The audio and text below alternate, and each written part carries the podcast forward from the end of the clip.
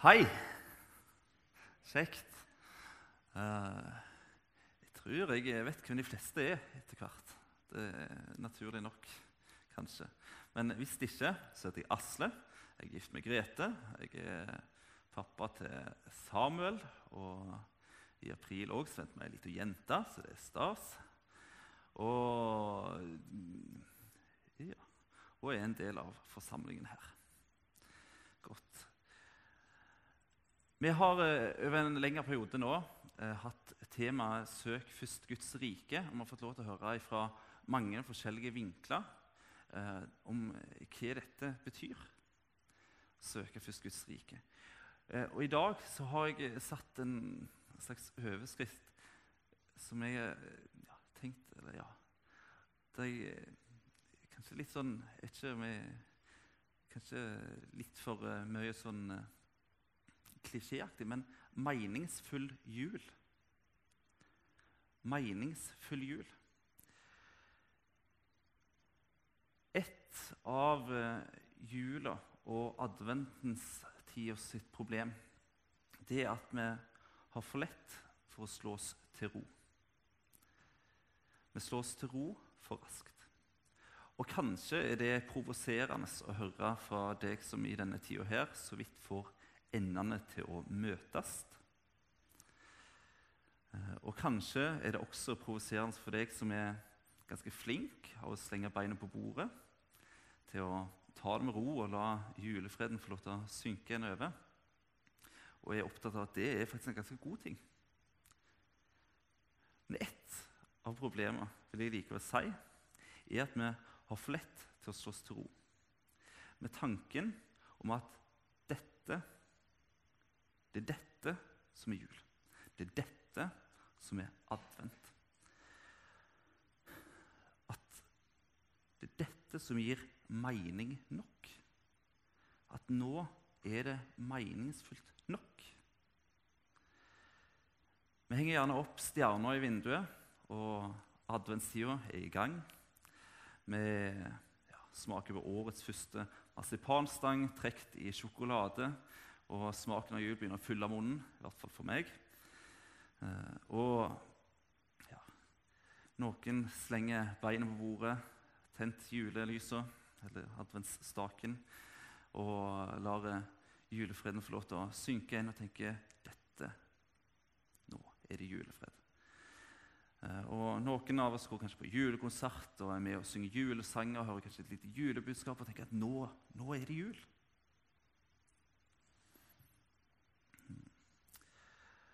Eller kanskje du er en som ikke kjenner så veldig mye på disse tingene her.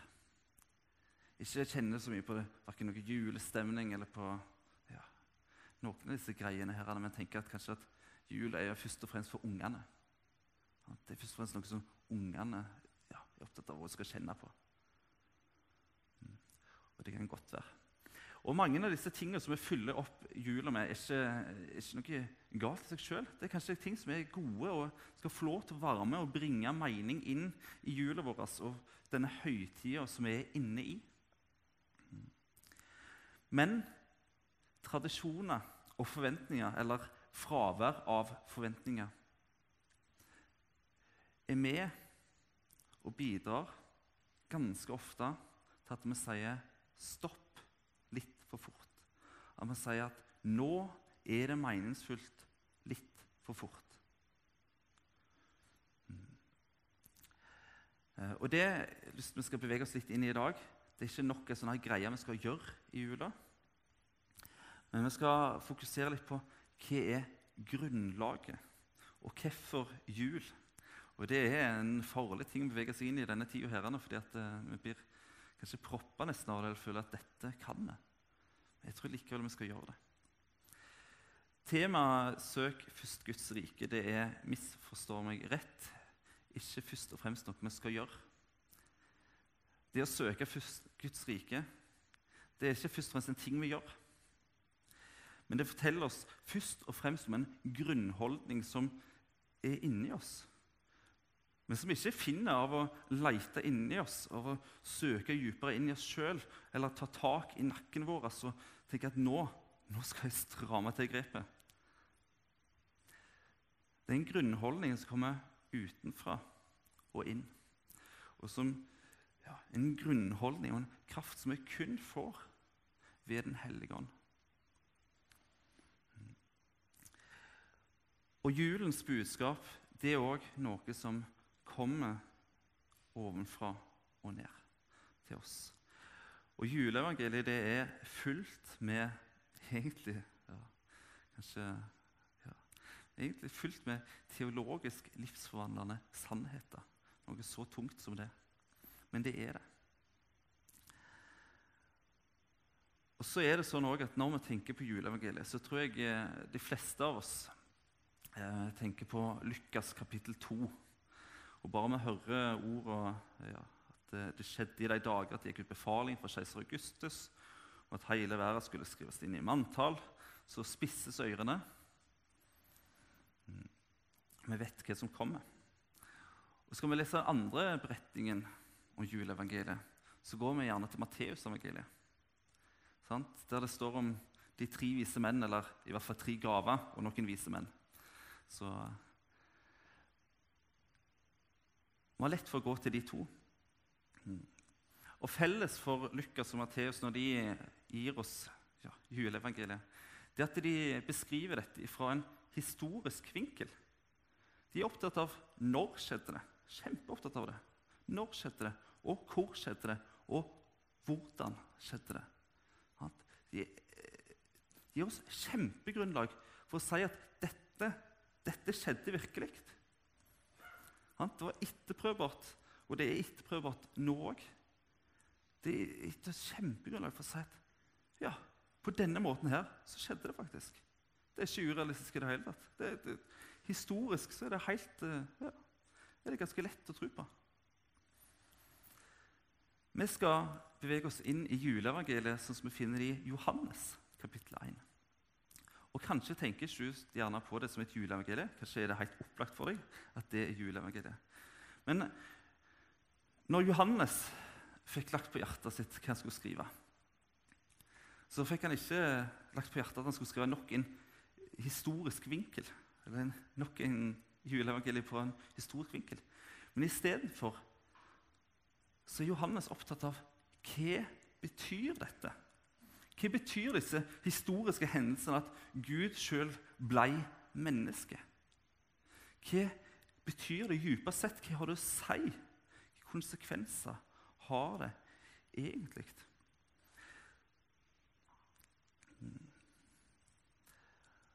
Og Vi skal lese i Johannes kapittel 1, vers 1-14. Eh, og først så har jeg lyst til å be. Takk, gode Gud. Takk, himmelske Far. Takk, Jesus, for at du kom til jorda. Åpenbar du nå, i de neste minutter, noe for oss som kan få lov til å være med til å se enda større på det du har gjort. Og vi skal få se enda mer av den herligheten det er at du ble født i en stall. ditt gode navn. Amen. Jeg leser Johannes kapittel 1, vers 1-14. Og så skal vi gjøre noe så upedagogisk etterpå at jeg skal holde meg i vers 14. stort sett. Det, men dere skal få lov til å få med konteksten i dette. her nå. Det er, ja, jeg, har studert teologi, så det er kontekst, kontekst, kontekst er et gjentakende ord også på bibelskole. Greit. Men jeg leser i Jesu navn. I begynnelsen var Ordet, og Ordet var hos Gud, og Ordet var Gud. Han var i begynnelsen hos Gud, og alt er blitt til ved han. Uten han er ikke noe blitt til. Det som ble til i han, var liv, og liv var menneskenes lys. Og lyset skinner i mørket, og mørket har ikke overvunnet det. Et menneske sto fram, utsendt av Gud, og navnet hans var Johannes. Han kom for å vitne. Han skulle vitne om lyset. Så alle skulle komme til tro ved ham. Sjøl var han ikke lyset, men han skulle vitne om lyset. Det sanne lys som lyser opp for hvert menneske, kom nå til verden. Han var i verden, og verden er blitt til ved han, men verden kjente han ikke. Han kom til sitt eget, men hans egne tok ikke imot han. Men alle som tok imot han, de ga han rett til å bli Guds barn, de som tror på hans navn. De er ikke født av kjøtt og blod, ikke av menneskets vilje og ikke av manns vilje, men av Gud. Så kommer vers 14. Og ordet blei menneske og tok bolig iblant oss. Og vi så hans herlighet, en herlighet som den enbårne sønn har fra sin far, full av nåde og sannhet. Ordet blei menneske. Når jeg og Grete bodde i Oslo, så pleide jeg å ta T-bane og buss fram og tilbake til skolen. Og Det gikk ikke så veldig lang tid før jeg begynte å kjenne igjen ganske mange av menneskene som reiste på samme tid som meg. Eh, og jeg kunne, ja, og kan fortsatt fortelle noe om disse menneskene som jeg så ja, ganske jevnlig. Noen av dem var en gjeng med videregående elever som gikk på Vang, på, helt sikkert på idrett, for de hadde med seg gymbag flere ganger i veka. Eh, og en husker veldig godt, for han gikk i dress, og så holdt han alltid den lille jenta i hånda, og så gikk han av to T-banestopp etterpå. Og sannsynligvis da så hadde han en viss utdannelse eller i hvert fall en jobb der han jobbet utad med et eller annet viktig, om han var politiker eller hva i all verden, det vet jeg ikke. Men jeg kan anta noen ting. Uh, og Enkelte personer så jeg òg flere ganger i veka. Og etter hvert også, begynte jeg å kjenne det igjen andre plasser. Jeg så dem på butikken, gjerne, og så, så Det var noe kjent med. Ja, stemmer.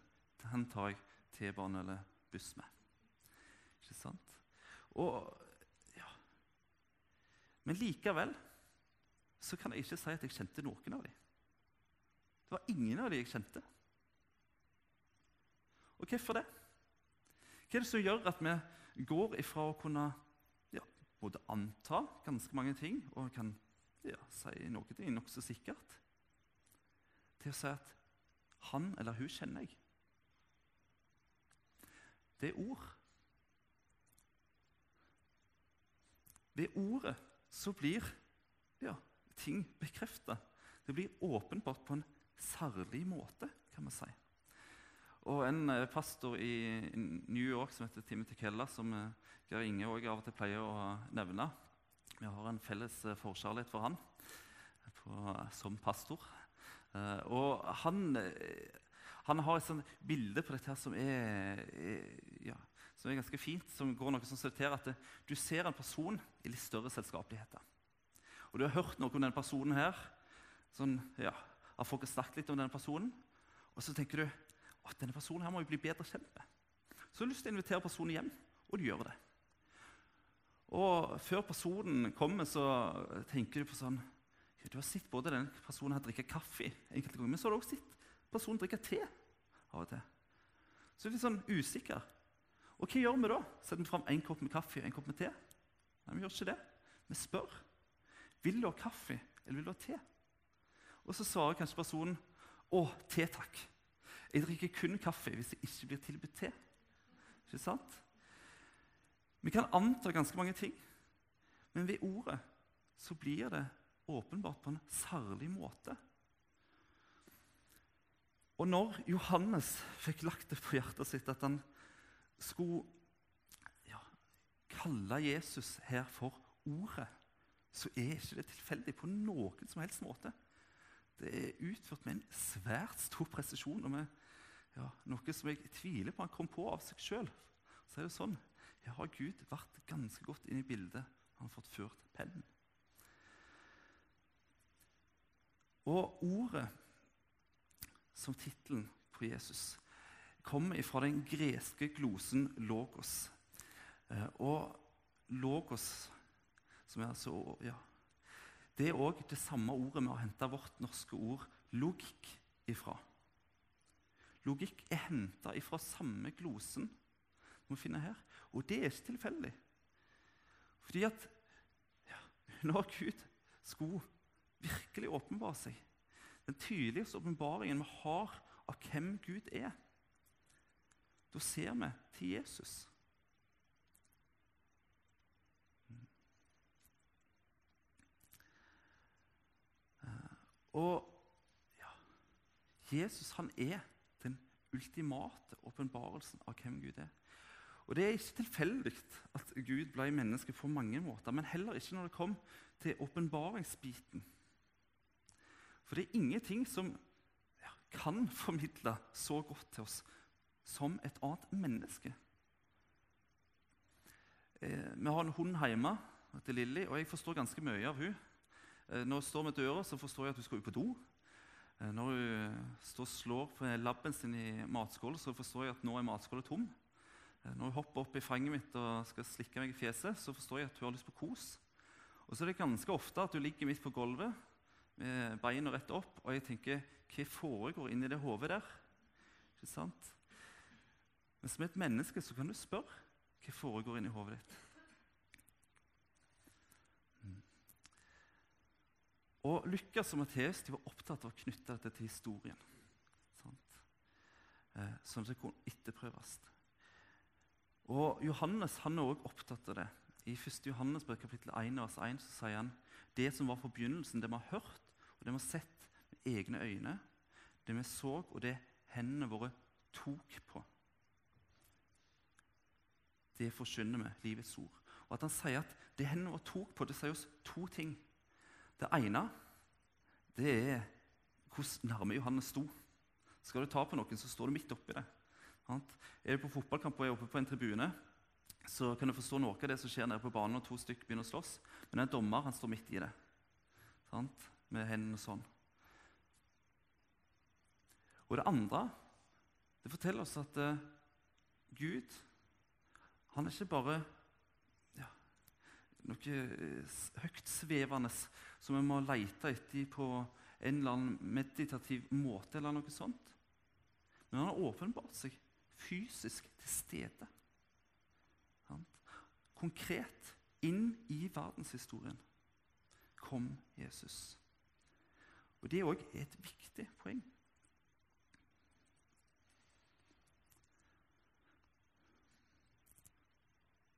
Videre i vers 14 så sto det at han tok bolig iblant oss. Og Vanligvis så er jeg ikke så veldig fan av å bruke gresken min av flere grunner. Den ene tingen er at eh, jeg tenker vi snakker norsk. Vi har gode bibeløvelser. Og, og. Men jeg har lyst til å hente fram en glose til, og det er bolig som blir brukt her. Eh, glosen 'skal nå', og jeg har en god jærsk uttalelse av det. Jeg, eh, der ville, de som kan det, de ville ledd av meg. Og det kunne like godt blitt oversatt med å slå opp telt. Tok bolig blant oss. Kunne like godt blitt oversatt med at en slo opp telt. For skal jeg nå egentlig å slå ned i teltpluggene? Eh, og Noen av dere er da kanskje på telttur i hodet og tenker på det. Litt sånn campinggreie. Noe vi tar med oss. Eh, og andre får kanskje et sånt glimt til Gamle testamentet og til tabernaklet. Og begge deler ja, er gode bilder for hva dette faktisk betyr. At Gud tok bolig iblant oss. At ordet tok bolig iblant oss. For En ting som er egentlig ganske merkelig sånn sett ifra menneskelige øyne, men som er helt, helt, helt sentralt i juleevangeliet, det er at Gud som den store, allmektige hersker og kongenes konge, mm, ikke er sånn som andre herskere og konger på jorda. Når Gud skulle annonsere at nå er endelig kongenes konge, Messias, frelseren, født, så annonserte han det ikke ut ifra tempelet eller ut ifra slottet eller til andre viktige personer. Kanskje vi kunne tenkt Stortinget her i Norge, f.eks. Istedenfor så var det til gjetere ute på marka på nattestid. Så var noen av de lågeste på rangstigen.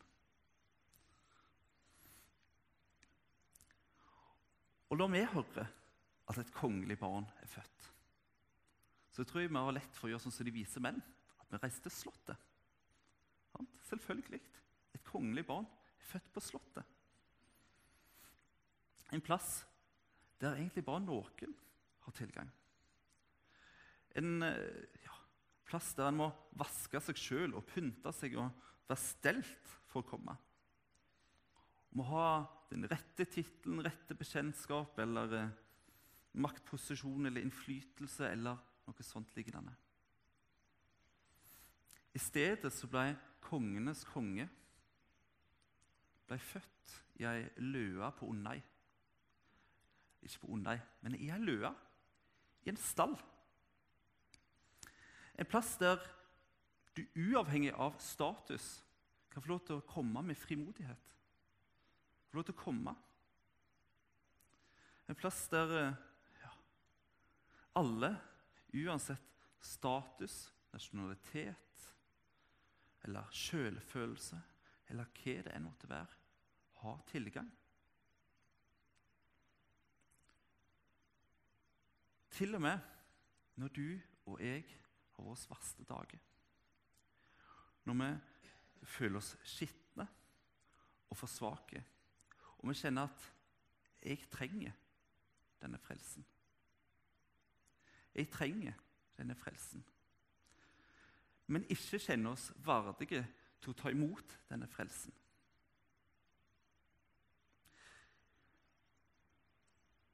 Da er det fantastisk å tenke på at Gud, på at Jesus eh, Gud frelse, som navnet Jesus betyr, ble født i en stall. En plass som er uhygienisk.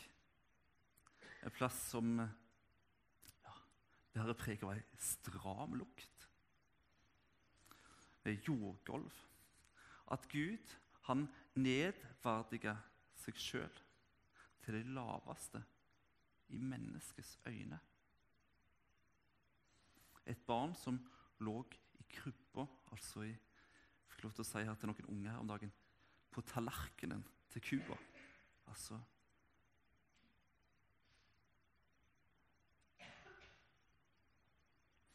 Omgitt av gjetere og hedninger.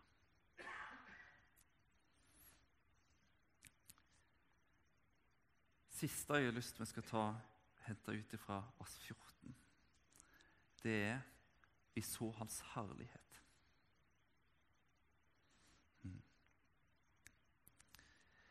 Jeg var en gang på, i Oslo på et eh, seminar om å ta imot utvekslingsstudenter særlig, men òg ja, folk med innvandrerbakgrunn og fra andre kulturer.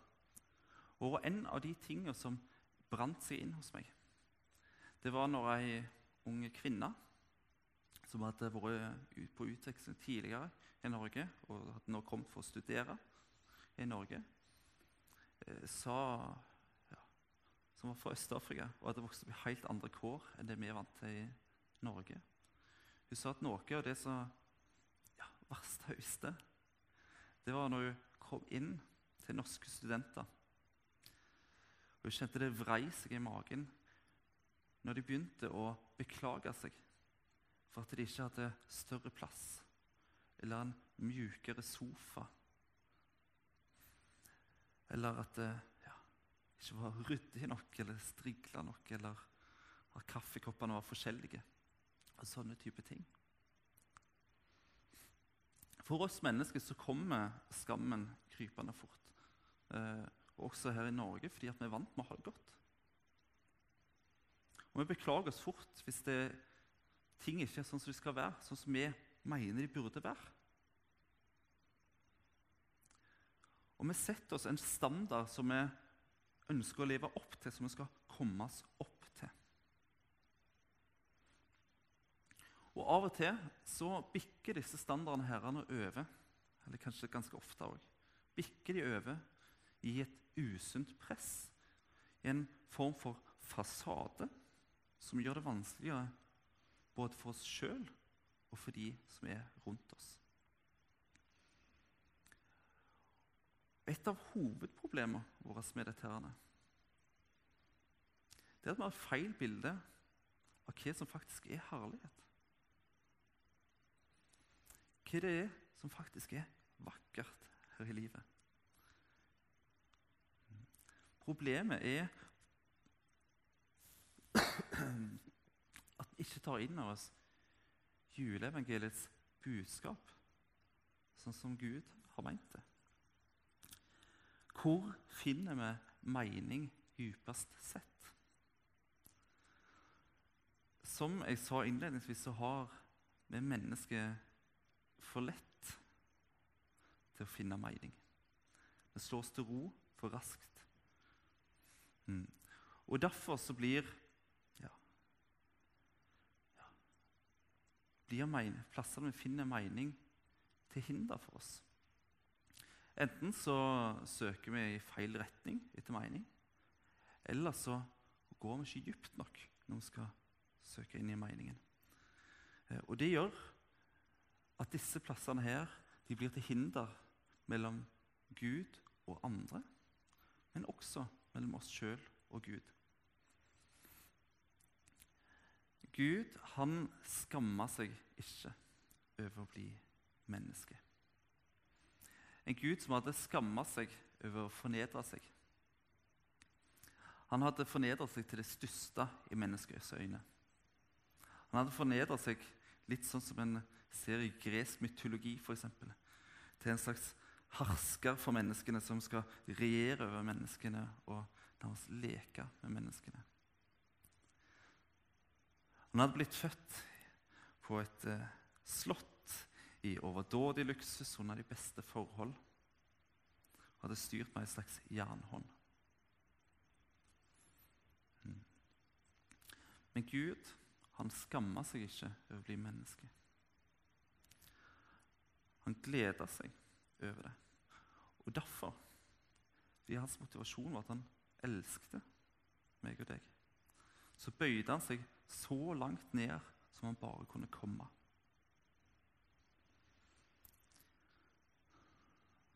Han skammer seg ikke, men gleder seg over det som er svakt, det som er uverdig og upassende i menneskets øyne. Guds herlighet er at han bøyde seg så langt ned i støvet.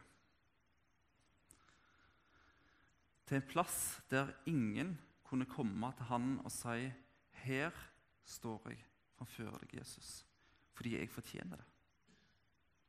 Til en plass der ingen kunne si at 'Her står jeg, Jesus, framfor deg.'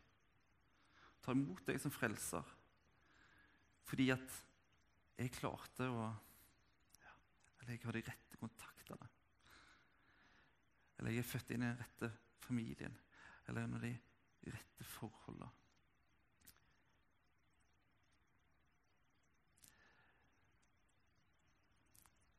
Til en plass der ingen ville søke med mindre de trengte en frelser.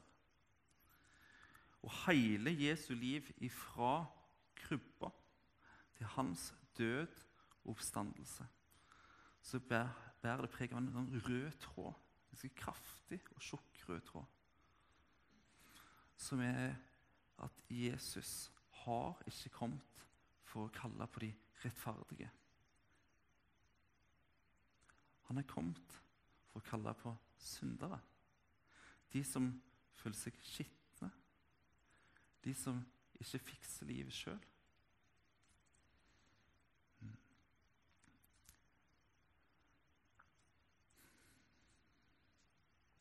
Julens egentlige mening er ikke først og fremst en romantisert fortelling om Gud, som ble født blant hvite lam, men om Gud som ble født i stank, i skit, i dårlige kår, utestengt fra alle andre plasser. For at alle de som trenger det, som trenger en frelser, som ikke har noen andre plass å gå, skal få lov til å komme til ham og ha tilgang til ham. Og Jesus han løfte alle de som tar imot ham. Ikke opp til slottet og ikke temp til tempelet, men til det fullkomne, til det hellige. og til det rene, til en evighet i det høyeste høye hos Gud. Og det ligger en dobbel utfordring i dette. her. Den ene ligger mellom oss og Gud. Mellom deg sjøl og Gud. Hva er det som er til hinder? Og Vi skal få lov til å ta vare på mange av disse julens tradisjoner. De kan være viktige for å markere den tida vi er inne i. De kan være til god hjelp for å markere den tida vi er inne i. Men vi skal òg få lov til å ta med oss hva er det som er til hinder her. Og like viktig mellom oss og andre mennesker.